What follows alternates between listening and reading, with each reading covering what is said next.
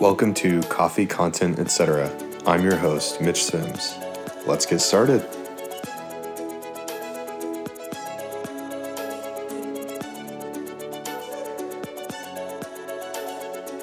Getting things started here on a Tuesday. Look at this. Give me just a minute here. I'm letting a few others in.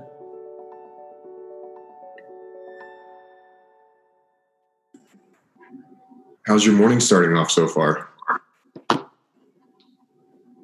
Good. I'm kind of disappointed. Kind of disappointed that we both don't have our daughters in the background here for this one. Mine is um, being very occupied right now, intentionally. Very occupied at my house means iPad time. I'm curious, what does very occupied look like at, at your household?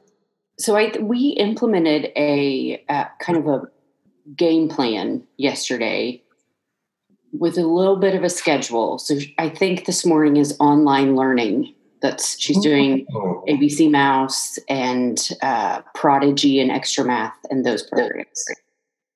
we were we were going to look into ABC Mouse, and you know, I guess we're all going to have to start figuring out what um what homeschooling looks like. Yeah, It's you know the environment we live in right now is practicing social distancing, which I would say we're getting an A plus at this morning. right. yeah, I was not a teacher on purpose. Yeah. So um, we'll see how it goes. I was going to say, I, I have definitely realized that teachers have the patience of a saint because I was trying to work with Kingston on something yesterday. And wow, I mean, oh, not enough patience in the world, unfortunately, in this body. So, Yeah. well, um, we have quite a few people here, and I'm sure we'll have a couple more here join while we're going forward. I'm going to apologize to everybody ahead of time. I'm sure you can hear it. My allergies are going a little bit crazy, so I'm going to try and mute myself if I need to clear my throat or cough. Um, but just a little little heads up to everybody. Um, I want to extend a huge warm welcome to one of my good friends in HR, Christy, for joining me today and kind of kicking off this pilot. So before we go through and kick it off, I wanted to go through a little bit of a background with Christy, but also go through and let you guys know where I saw something really cool that Christy did a couple of years ago, and I want to have her talk about it briefly. And so, that being said, uh, Christy is the pres- president and principal consultant of the People Perspective, which is an HR consulting firm that's dedicated to helping organizations realize their best practices in human resources. Uh, she also has worked for various nonprofits through volunteering, specifically uh, TAHRA, so Tulsa Area Human Resources Association, um, Oklahoma HR State Council, which I would say you do a fantastic job at, and um, multiple others like SCORE Tulsa, Women in Recovery, um, and Bixby Metro Chamber. And then there are a couple of notable awards that you've won in the past um, specifically being the Tulsa Area Human Resources Association President's Award in 2016, and then the Richard R. Messer Excellence in HR Award in 2019. So, kind of have a celebrity joining me today. so, specifically, one of the one of the things that I wanted to go through and bring up briefly before we get this kicked off was a couple of years ago. I always notice when people go through and take themselves out of their comfort zone, like I feel like I'm doing right now um, Christy went through and gave an excellent uh, talk at Disrupt HR a couple of years ago that still sits with me today, um, going through and talking about sitting in an awkward moment. Christy, do you want to just tell briefly from a high level what that whole conversation was all about? Sure. Um, so the talk, and I still do the talk as a keynote, um, is about it's about the land of Awkwardville, and the premise for the talk is that I'm the mayor. Uh, but really, as HR professionals, we're all the mayor of. Sorry, I just saw Dave join. uh, we're all the mayor of Awkwardville. So we talk about uh, we talk about the uh, need to have awkward conversations. Sometimes we're having the awkward conversations when somebody else should be having those awkward conversations.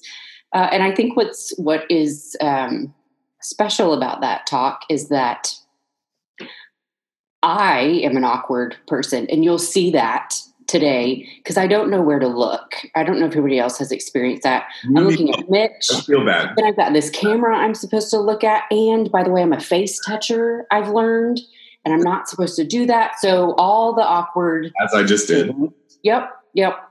Um, anyway, so I did that disrupt talk when I was right in the middle of my own personal awkwardville. Um, so it's really special to me. Uh, it's my favorite talk that I do, but I think that we're all, I'll transition us, Mitch, we're all probably finding our, I mean, this world that we're living in right now is, I think, the ultimate in Awkwardville. It is bizarre, and we're having to figure it out and navigate it as HR professionals and leaders. So it is definitely something that we've never seen before. Um, without going down a rabbit hole there, which I'm sure that we could for an hour, I thought I would tell you guys something funny that has came out of, you know, especially my household from being quarantined together. Um, you seem to learn more about your family. But uh, one of the things that I realized is my family is hugely dependent on Amazon. Uh, specifically, we were having an argument. I say argument an educational argument about did the chicken or the egg come first? And Kingston looks at me and goes, Dad, just order them both from Amazon and we'll find it. oh, all right, son. So, anyways, all right, enough of the dad jokes. So, Christy, I wanted to go through and interview you a little bit on the Families First Act, since this is a huge change for most employers and it's going to impact quite a few people. And I know that things are changing, and you know it seems like the Affordable Care Act crunched into a two-week time period. So I know there's still a lot out there that is unwritten. But let's start off by just telling us what is the Families First Act. Sure. So the Families First Act was passed. Um, it was signed by Trump last Wednesday, the 18th. It goes into effect. Uh, look at the camera, Christy. It goes into effect April 2nd. Um, and then the the exemptions, the mandates will last through the end of this calendar year, so December 31st, 2020.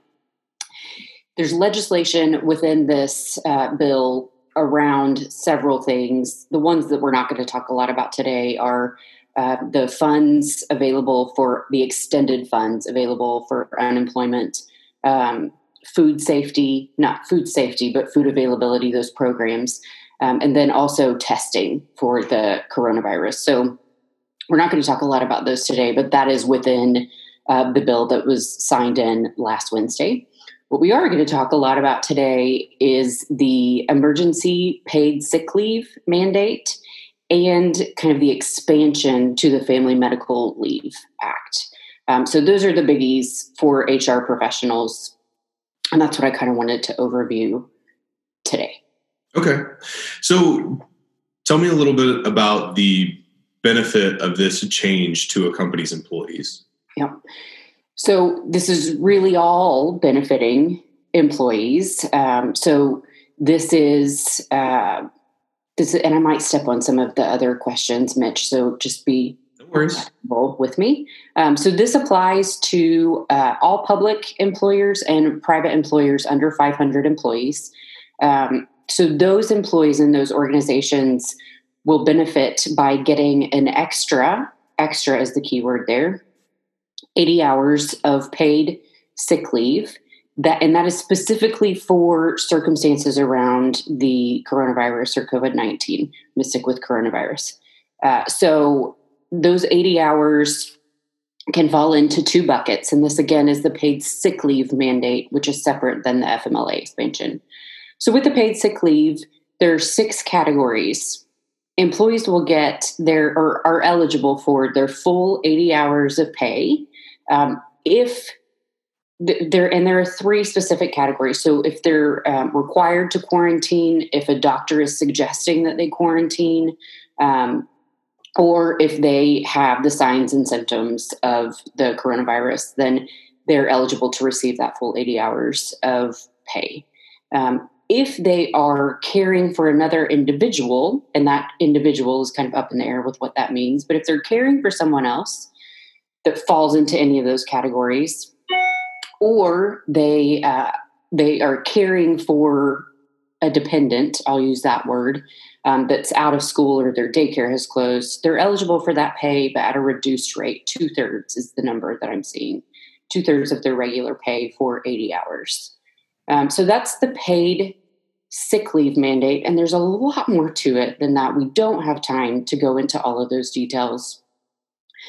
The expanded uh, Family Medical Leave Act is interesting and it really evolved as it went from the House to the Senate to what was signed in. So now the expansion with the Family Medical Leave Act is only around uh, a school closure or daycare closure. So caring for a dependent whose school has been closed or daycare has been closed. Um, they did change definitions, though. They changed the definition of an employer to that same definition with the paid sick leave 500 employees or less. Um, and they changed the definition of employee uh, from that, what we're used to, which is one year uh, having worked 1,250 hours, now is 30 days. So if an employee has worked for you for 30 days, they're eligible for this expanded family medical leave protection.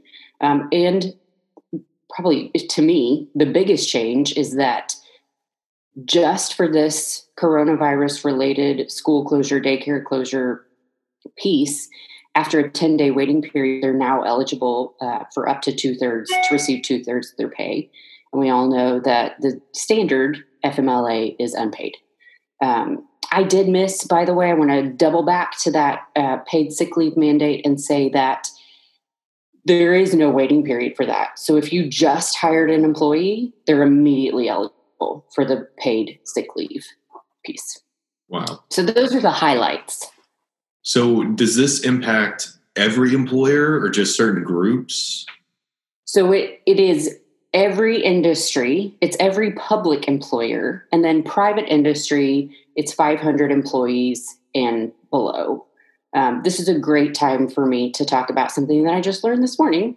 Um, there's a lot of talk and a lot of talk among my clients about this potential exemption for small businesses, so under 50. Um, meaning, will small businesses under 50 be able to opt out of this? Um, there is some verbiage that says the Secretary of Labor will be able to exempt small businesses that will compromise the vitality of their business to pay this out. What I learned this morning is that that exemption is looking like it only applies to the expanded Family Medical Leave Act, not the paid sick leave piece. So it doesn't look like there's going to be an exemption for the uh, paid sick leave piece for small businesses, but there still could be that exemption for uh, the Family Medical Leave Act. Okay. Okay. So, what are some of the changes and challenges that HR departments are seeing or will see due to the passage of this law? There's so many. there are so many. I think that we are, um, as HR professionals and leaders uh, and advisors, first outside of this act, just managing, helping our people, helping our leaders manage our workforce right now with telework, remote work is um, brand new, brand new. And I think, in my opinion, this will change the landscape of how work is done for a very long time.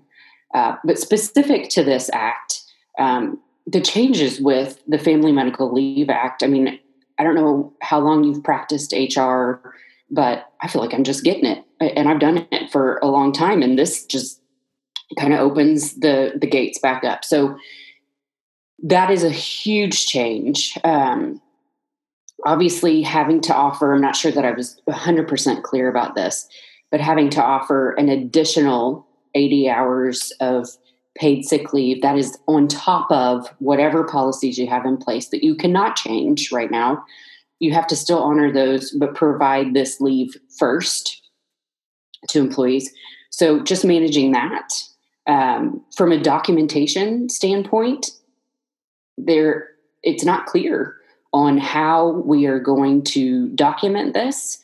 Um, we have FMLA forms. Do we continue to use those? Um, what documentation do we require from doctors?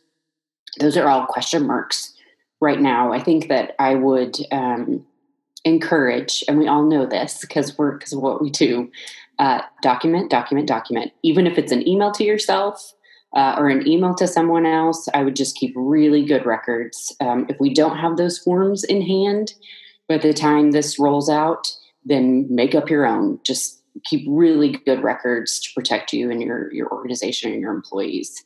Um, I also think that uh, back to the telework piece, the way we're communicating with employees is completely different, but so important right now. Even if we don't have the answers, um, just letting people know that we're on top of it. Uh, we sent an email out last week that said before it was signed in I know some of you are following it. We don't know how it's going to impact us yet. Know that we're watching it and we'll communicate with you as soon as we know. I think employees appreciate that because we also know that when they don't have all the information, they make it up.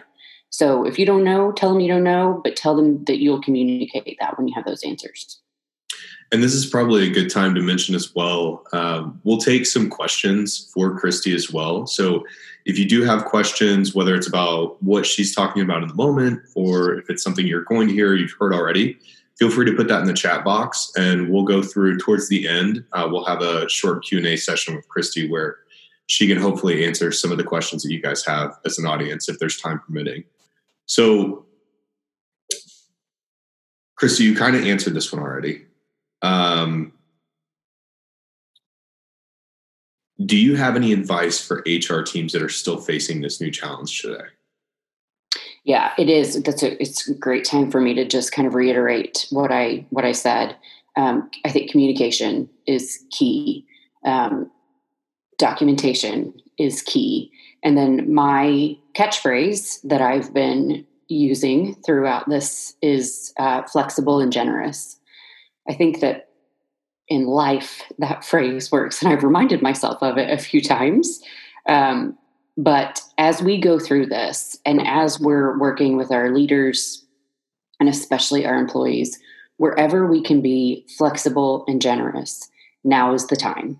Uh, I think that employees will see that and they'll appreciate that. This is not necessarily, and we're we're HR professionals. We're used to enforcing policy, trying to make things black and white. But this is not the time to do the way we've always done it. Um, it's just not going to work. There's so many things that are situational, so many variables, flexible and generous. If you can bend, bend.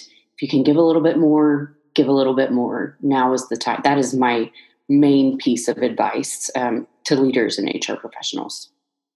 So, Christy, what would you say are some good resources for people to use uh, to go through and learn more or stay up to date on changes to the Families First Act as it comes about? So, I would I would say that probably the most valuable resources that I found are uh, employment law attorneys. I think every employment law attorney out there is um, working to update and debrief and, and keep us posted. Um, I haven't, I shouldn't say this on a recorded video. I haven't found a lot of value um, on the Department of Labor website. I've checked uh, a couple of times, and it is um, it's it looks like resources that they've used in the past. I'm sure that they are working to update that.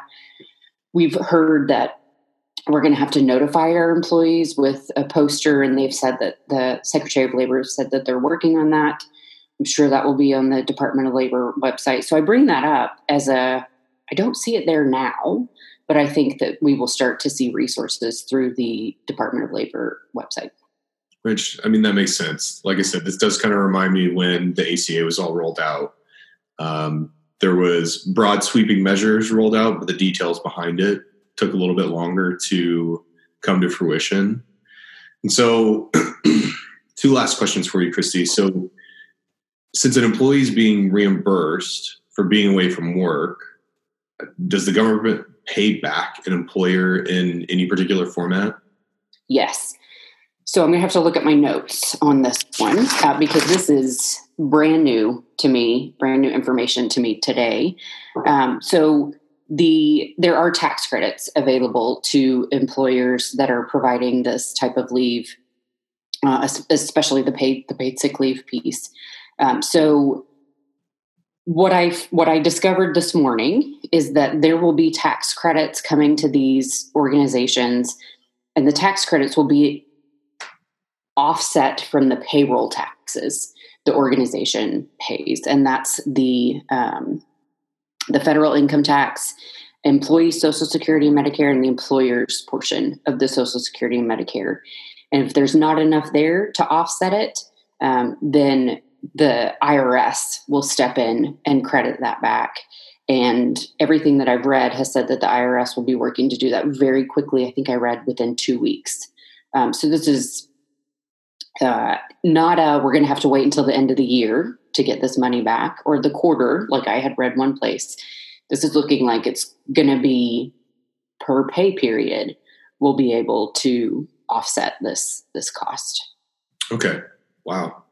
Well, I'm sure I didn't cover any, everything, but I mean, is there anything else that you would add in regards to any changes, what HR is facing, uh, places to go, et cetera, that could add value for our viewers? So I do, um, again, I'm looking at my notes and we covered about a quarter of my notes.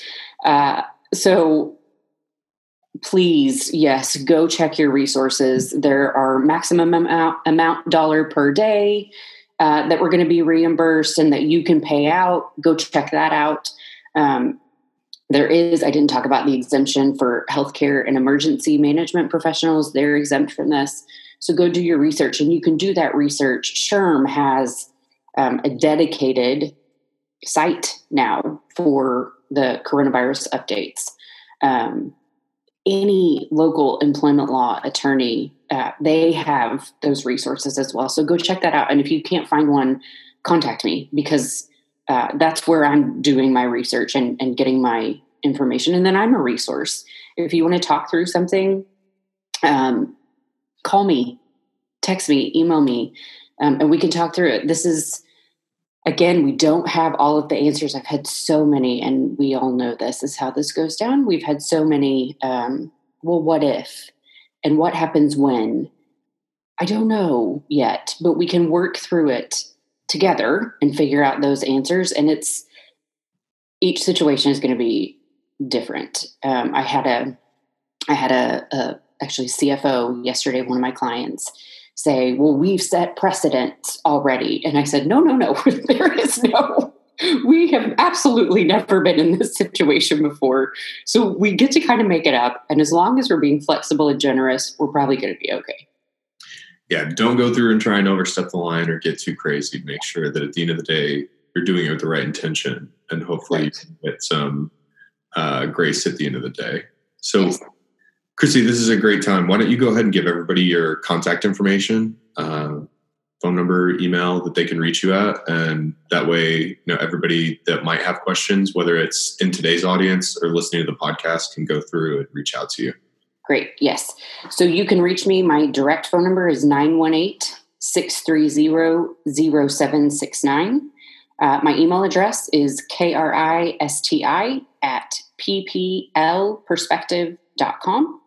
Uh, and our website is www.pplperspective.com. And I'm going to type it all in the chat as well, Mitch, so that if people didn't get that, they've, they've got it there for them. Wonderful. All right. Well, let's see if there are any questions here. We'll give you guys another like 30 seconds or so. If you do have a question for Christy, uh, feel free to throw it in the chat box and we can go through and uh, kick it around and discuss it.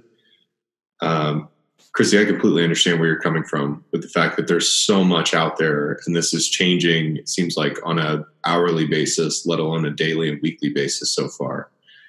Uh, but thank you very much for going through and giving everybody at least some insight on where to start with this so that hopefully they can go through and find some direction, have some resources, and at least expect what to come here in the near future.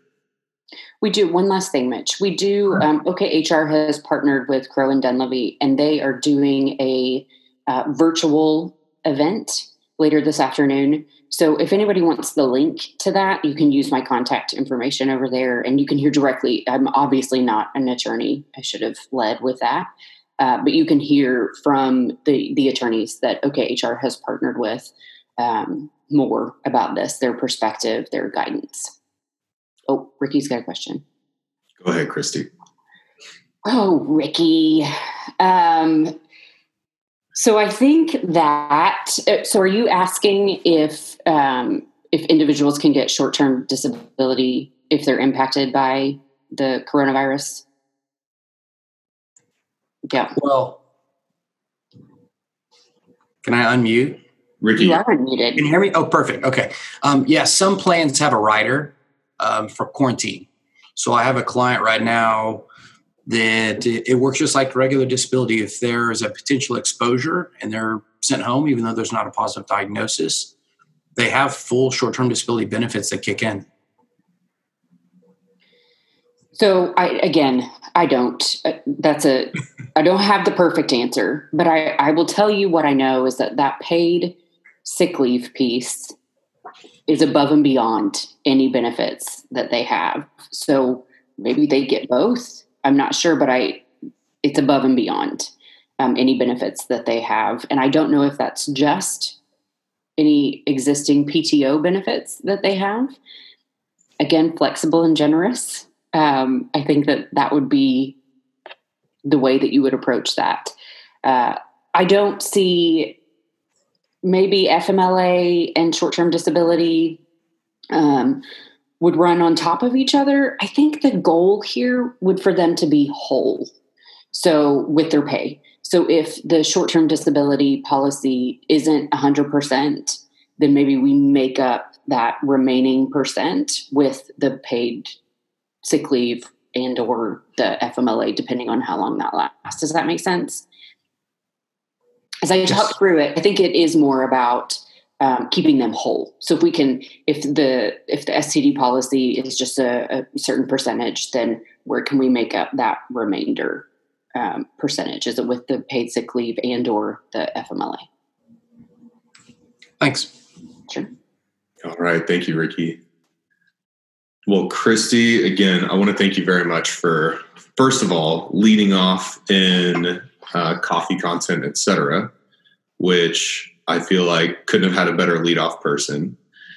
Um, if you guys do have questions after today, one, don't hesitate to reach out to Christy. But two, like Christy mentioned, um, Crowe and Dunlevy will be going through and speaking about this later this afternoon uh, for all companies in Oklahoma and Arkansas to go through and participate in. So feel free to go through and join that. But uh, if there are no other questions, Christy, I think we can go through and finish our cups of coffee and get back to our day. Yeah, let me say, Mitch, great work on doing this and supporting us. I, we all appreciate it so much, and I'm really looking forward to the other session. So thanks for giving us this opportunity. No, you're more than welcome. Well, thank you everyone who joined us. Uh, we'll go through and conclude the session and uh, look forward to the next one Thursday morning at 9 a.m. Central. Have a great afternoon. Have a great morning, guys. Thank you.